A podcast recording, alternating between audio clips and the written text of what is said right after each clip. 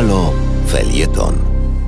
Przed mikrofonem profesor Marcin Matczak, Wydział Prawa i Administracji Uniwersytetu Warszawskiego. W dzisiejszym felietonie chciałbym pochylić się nad wnioskiem premiera do Trybunału Konstytucyjnego. Tym wnioskiem, w którym premier prosi e, Trybunał Julii Przyłębskiej o stwierdzenie, że polska konstytucja stoi ponad prawem unijnym. Jest to wniosek albo dziwny, albo śmieszny, albo straszny. Po pierwsze, konstytucja w artykule 8 wyraźnie mówi, że jest prawem najwyższym. W związku z tym, po co pytać, czy jest prawem najwyższym? Otóż wydaje mi się, że premier w ten sposób uprawia po prostu swoją antyeuropejską politykę.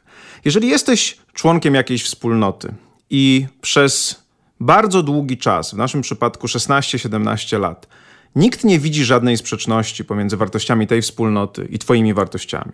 Co więcej, Twój Trybunał Konstytucyjny wielokrotnie mówi, że tej sprzeczności nie ma co do zasady. Aksjologia jest dokładnie taka sama.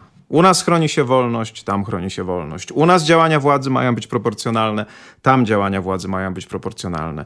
U nas chroni się godność człowieka, tam się chroni godność człowieka. Oczywiście mogą być jakieś drobne sprzeczności. Jak było tak u nas, trzeba było zmienić konstytucję, żeby przyjąć europejski nakaz aresztowania, który był sprzeczny z naszym zakazem ekstradycji obywatela polskiego, ale to była naprawdę malutka sprzeczność, którą bardzo łatwo udało się e, usunąć. No i teraz pytanie, przez tak długi czas nikt żadnej sprzeczności nie widział. No przecież po to wchodziliśmy do tej Unii. To nie jest wroga organizacja. Jej wartości są naszymi wartościami. To są wartości europejskie, to są wartości powszechne. I nagle kiedy do władzy dochodzi prawo i sprawiedliwość, jedna sprzeczność za drugą, jedna sprzeczność za drugą, wszystko właściwie jest sprzeczne. Tak naprawdę oczywiście nic się nie zmienia w sensie prawniczym czy aksjologicznym. Sprzeczna jest polityka prawa i sprawiedliwości z wartościami Unii Europejskiej, więc trzeba przekręcić polską konstytucję, tak żeby już nie była polską konstytucją zgodną z prawem unijnym, tylko żeby stała się konstytucją prawa i sprawiedliwości.